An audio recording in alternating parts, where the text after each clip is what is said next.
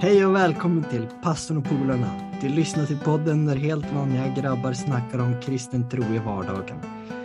Kom ihåg att följa oss på sociala medier och prenumerera på Youtube. I dagens avsnitt så ska vi snacka om Jesus. För en kristen är Jesus en väldigt viktig person. Och för oss personligen betyder Jesus också mycket.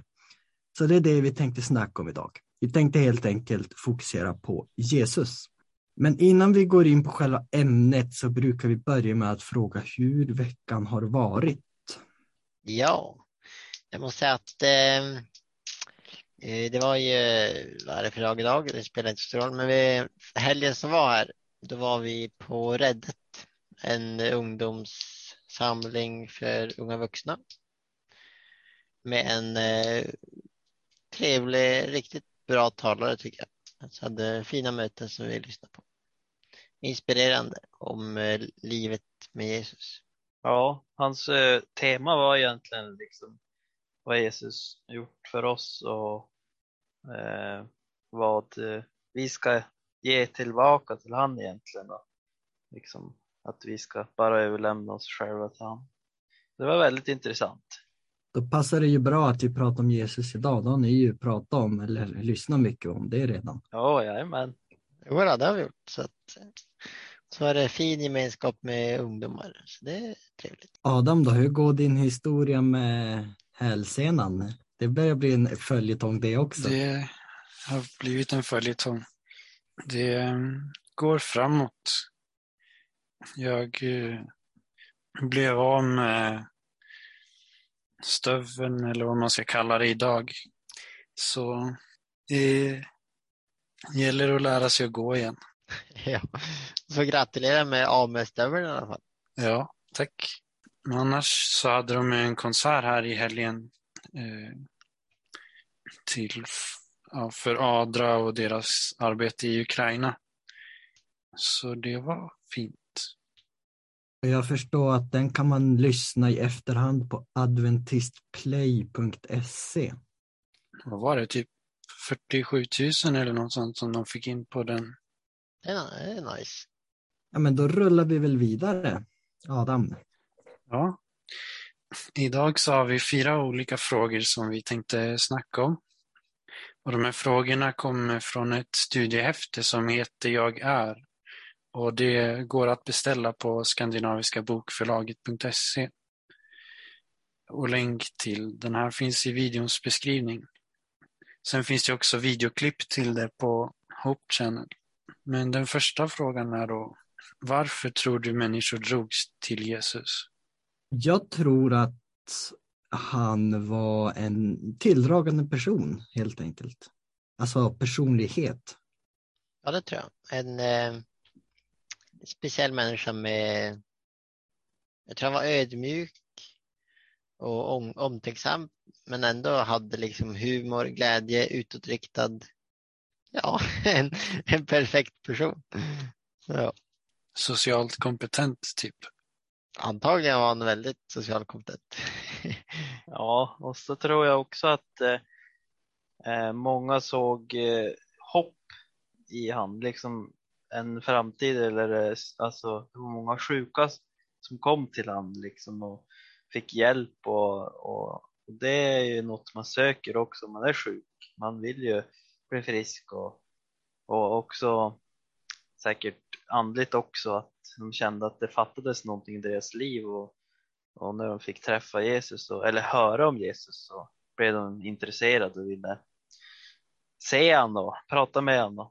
Han kom ju med någonting nytt och fräscht till den tiden han levde på. När det var väldigt mycket så här tunga regler och ritualer och eh, mycket sånt. Och så kom han och liksom ja, men försökte få folk att eh, tänk, tänka annorlunda på ett bra sätt. Folk dras ju lite till det udda, än om det kan vara udda på positivt sätt. Ja, alltså han stack ut och för, ett, för, ett, för det bättre liksom, kan man väl säga. En bra vän. Ja, en bra vän, det, det tror jag. Sen var det väl många som trodde att han skulle rädda dem från eh, romarriket och så. Jo, den nya kungen ganska kon konkret trodde de väl. Jo, det är sant. Att han skulle vara liksom en militär eh, befriare också. Eller att han skulle komma med någon slags ja, befrielse. Ja, kanske speciellt efter han hade mättat 5000 män plus kvinnor och barn. Eller liksom de såg att jaha, nu, nu har vi en som både kan eh, hela folk och också ge mat. I, då blir vi oslagbara. Liksom. Ja, vi pratade ju om den historien och i den är det ju, står det ju specifikt att de ville liksom försöka göra honom till kung. Det står på några tillfällen där. Så det fanns mycket kan man kanske säga som gjorde att de folk drogs till Jesus. Fråga två då, om jag, om jag tar den, går vidare lite, lite på samma tema här kanske då, men finns det något hos Jesus som inspirerar dig? Ja, men den godheten och att han aldrig blev, alltså, alltså att han liksom aldrig gav upp heller kanske. Han var alltid god, han var alltid kärleksfull, han blev aldrig liksom trött på att göra gott. Trött eller upprörd heller av olika situationer. Liksom. Jag tänker på, han var tålmodig. Liksom, lärjungarna gick med han och, eh, men de förstod kanske inte helt. Men eh, han var, han älskade dem för dem de var och, och eh, det tycker jag är väldigt fint att han aldrig gav upp. Ja, jag tänker också tålamod utifrån de gånger som han gick undan för att vila och så kom folket och han eh, tog hand om dem ändå. Ja, och, och, och vad var det jag tänkte liksom att eh, ja, men han, han, han, han, han, han tog sig tid för alla som kom till honom och behövde hjälp. Eh, han kunde ge, jag tycker det är inspirerande att han alltid hade någonting att ge till de som kom. Den, jag tänker på den här starka tron. Det är ju otroligt. Den, Jesus starka tror jag. liksom, det är ju en tro som, det är ju det som liksom, det är därför han kunde ha, ha alla de här egenskaperna. För han hade så stark tro på liksom, tro. Han säger liksom att hur lite tro har, har ni inte till lärjungarna liksom. Det är någonting med det. Ja, han ville göra människor bättre liksom det är också något som inspirerar mig, att han, ja, men, han mötte människor, han ville att de skulle liksom, ja men inte tro på som de alltid kanske hade trott och ja, men, utvecklas och eh, gå framåt. Jag också, eller jag har varit inne på det lite också, men att han alltid såg vilket behov de han mötte hade och tillfredsställde det. Ja, han hade en sån otrolig kraft till att göra det. Både fysiskt och eh, andligt. Och socialt också. Den sista frågan, fråga fyra som vi kommer till, där är det lite mer tekniska grejer. Så vi tar fråga tre då. Om du kunde möta Jesus personligen, vad skulle du vilja säga eller fråga honom? Jag tror vi har nämnt det här tidigare, typ, men om du fick fråga Gud en enda sak, vad skulle du fråga? Men vi tar den, om du kunde mäta Jesus personligen, vad skulle du säga eller fråga honom? Eller om du levde på den tiden och kom och mötte Jesus? Väldigt bra fråga. Väldigt eh, svårt att hitta ett bra svar också. Men om man säger så här, jag skulle vilja fråga Jesus, hur skulle du kunna liksom göra samma sak Fast i dagens samhälle. Ja, egentligen hur ska vi vara också? Ja, och hur ska vi vara i förhållande till det? Vad kan vi göra? Hur mycket ska vi vara, leva i världen? Det är liksom mycket, han hade ju ett arbete, och han, men så gjorde han ju en mission. Och... och så skulle jag vilja veta vad Jesus gjorde när han var typ 15, 20, 25 år, hur hans liv såg ut då. För det går ju från när Jesus säger typ 12 år i templet och sen whoops så är han, döper han sig och då är man säger att han är runt 30 eller där kring. Så typ ja, 15, 15 någonting år av hans liv är bara liksom tyst om i Bibeln. Ja, det är ganska otroligt om man, om man tänker efter liksom. Att han bara var egentligen. Ja, han gjorde väl säkert någonting men Jo, jo, men alltså arbete och det är ju som vanliga folk nu för tiden. Arbeta, ha familj. Liksom livet rullar på. Han byggde några stolar och några bord och i sin snickarverkstad kanske ja, någonting sånt där helt liksom bara normalt. ja, där visar han väl säkert på att eh, man kan göra ett gott, vara en god kristen i ett vanligt arbete. Liksom. Det är ganska häftigt när man tänker på det, att, att Gud eh, i 15 år satt och snickrade på stolar och bord och ja, allt möjligt. Eller det var väl mer hantverkare. Ja, det var ju hantverkare, lite bred hantverksarbete. Och sen att han bara hade, han var ju liksom aktiv i sitt arbete, liksom som, ja, man läser om i tre år. Och det är ju ingenting jämfört med 15 år. Nej, jag tänkte bara, tänk att haft han som kollega i 15 år. Då. Hur har det varit?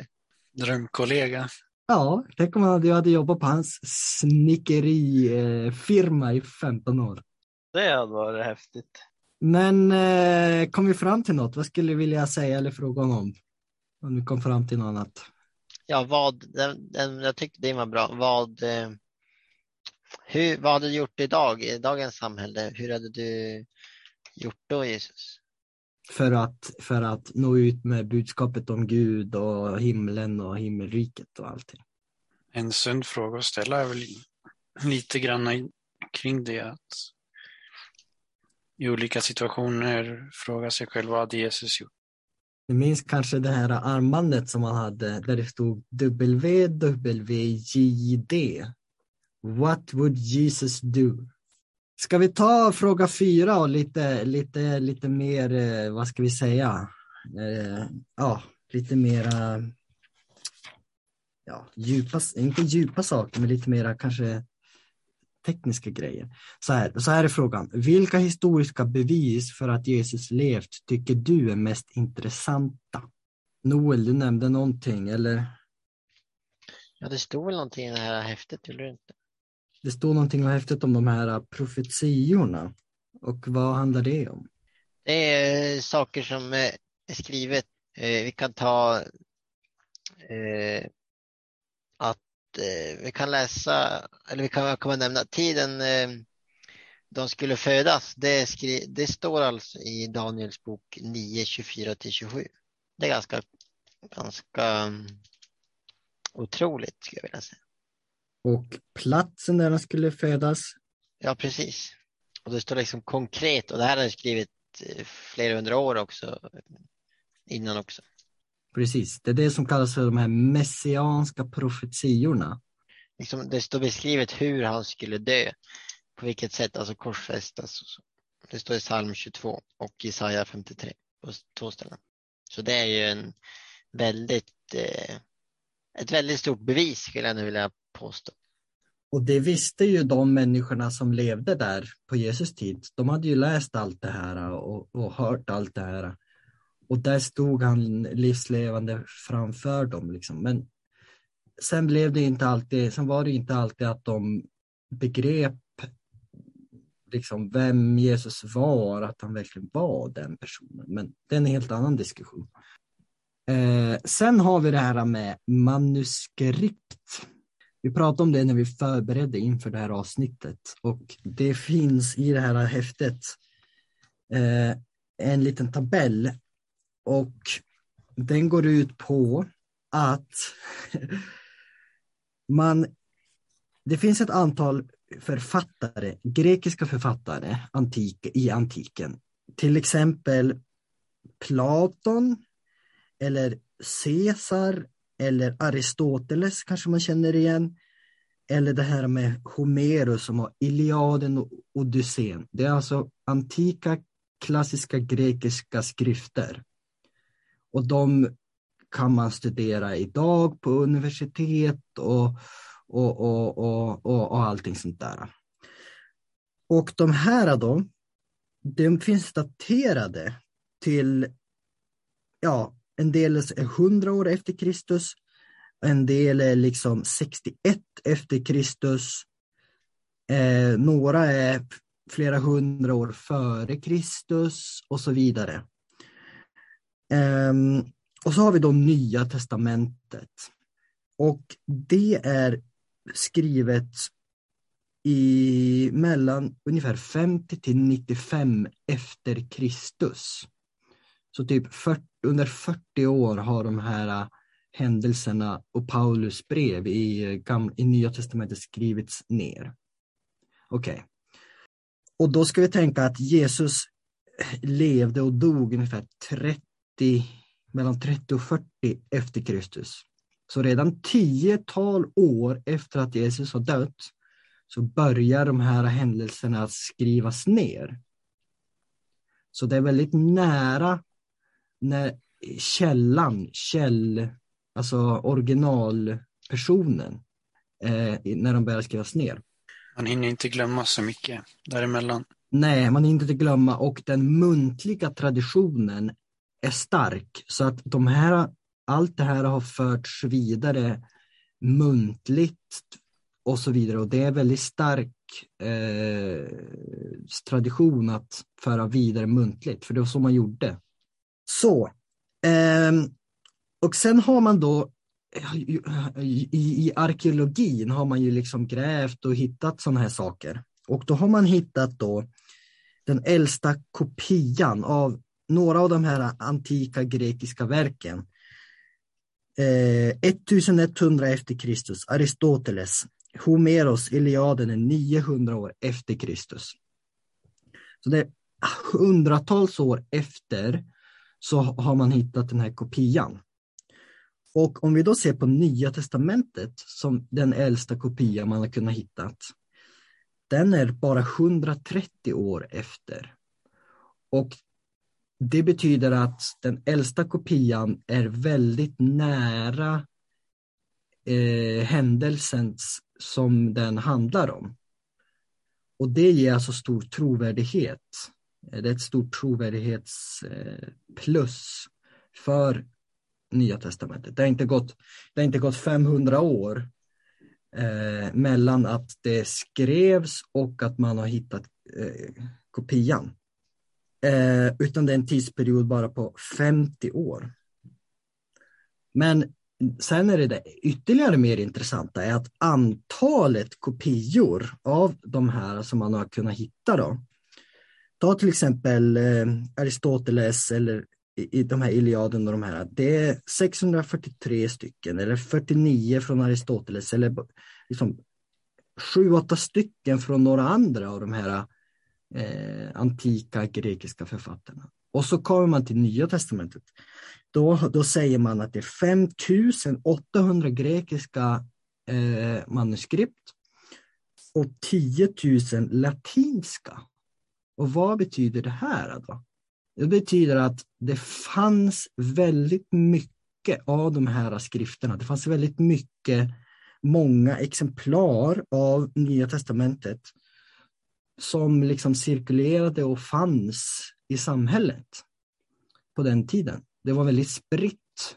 Eh, ja, det var ett spritt och allt det här hade ju skrivits ner för hand på liksom så att det finns så många betyder också att det är väldigt trovärdigt. Och mm, inom teologi och så här så pratar man om att den bästa beskrivningen av eh, världen, det normala livet på, i Israel på eh, den här tiden, alltså i den här tiden, det är, det är Nya Testamentet. Det finns ingen annan textdokument som som beskriver den tiden och det livet så bra. Om vi bara slänger bort Nya Testamentet och tror att det är påhittat, ja, då kan vi lika gärna slänga bort hela historien om det antika eh, Israel. Alltså, eh, vi kan bara, det går inte bara att, att tro att det är något, något påhittat, något som någon har suttit och skrivit ner tusen år senare eller 500 år senare. Jo, det är ju ar arkeologin bekräftar också det som står i Bibeln hela tiden. Och det var också massa folk som var beredda att dö för, för det. Det är svårt att tro att folk skulle dö för någonting som de kanske tänkte att det inte skulle, möjligtvis inte vara sant. Precis, i Apostlagärningarna. När det står i Bibeln liksom sådana detaljer som lite Nobel sa, liksom eh, hur husen var eller hur de levde eller eh, hur de reste eller, eller liksom sådana saker. Det står i, i Nya Testamentet. Och sen har de grävt och så, ja men det, det var så. Ja men det var så som det står i Bibeln. Och det finns så mycket sånt i Nya Testamentet. Det finns inte på så många andra ställen nedskrivet just sådana grejer. Så att Nya Testamentet är inte bara en text för kristna att läsa i kyrkan, utan det är liksom ett, ett historiedokument som är eh, ja, som man inte bara kan, ja men, äh, det där var väl ingenting. Jo, det är ju väldigt trovärdigt kan man ju säga. eftersom att, ja, det du tog upp där med de här talen, 5800 kopior och, och ganska otroligt. Så kort summerat är det väl väldigt trovärdigt. ja, det är trovärdigt att det som står där har hänt, eh, att de personerna som nämns har funnits och att det är en ganska bra beskrivning av livet och världen och allt på den tiden. Så det var ett långt svar på frågan, vilka historiska bevis för att Jesus levt tycker du är mest intressanta? Jag tänker på ett annat bevis. Det är att hela vår tids tidräkning är eh, påverkad av det. Att man säger före Kristus efter Kristus. Det är konstigt, och, konstigt att göra det efter något påhitt. Eh, är det någon som har något ytterligare där att tillägga eh, som du tycker är intressant? Inte det, då kanske vi börjar avrunda här och då ska jag gå till det här häftet igen. Och då står det någonting som Bono från det kända bandet U2 har sagt. Lite för att summera det jag har pratat om. Lite det som Adam sa också. Att människor skulle inte bara ge sina liv för något som kanske eh, var sant. Jesus gick omkring och sa att han var Messias. Därför blev han korsfäst. Han blev korsfäst för att han sa att han var Guds son. Så jag ser det så här att antingen var han Guds son eller också var han tokig. Och jag har svårt att acceptera att hela miljoner och miljoner liv, halva jordens befolkning, har påverkats under 2000 år, har känt sina liv beröras av och inspireras av någon galning. Jag tror det bara inte. Och Bono, en känd sångare i ett, ja, ska vi säga rockband, U2. Sen har vi C.S. Lewis som är lite en av mina favoritförfattare. Han har ju också, ja, filosof, eh, pratar väldigt mycket om etik och moral. Han har också de här tankarna att antingen var Jesus en galning eller eh, så ljög han eller så var det han sa och gjorde sant. Och det är det som är mest troligt, för ingen skulle, ingen skulle ge sitt liv för en galning och ljög han så skulle, det nog ha, skulle vi nog ha kommit på det 2000 år senare. Så vi kanske får avrunda dagens avsnitt med det här. Eller vad säger ni? Då vill jag tacka för att ni har lyssnat idag och nästa vecka, då minsann, då kommer vi ha ett mycket spännande avsnitt för att då kommer vi att ha en intervju och det här blir ett intervjuavsnitt på engelska. Och vi kommer att prata med ett ungt par som vi känner. Och de har alltså satsat helhjärtat med hela sina liv och sin familj på att vara missionärer på och med via Youtube. Så att det, den historien vill ni inte missa i nästa vecka. Men det tar vi då. Hej då! Hej då! Hej då! Tackar, tackar.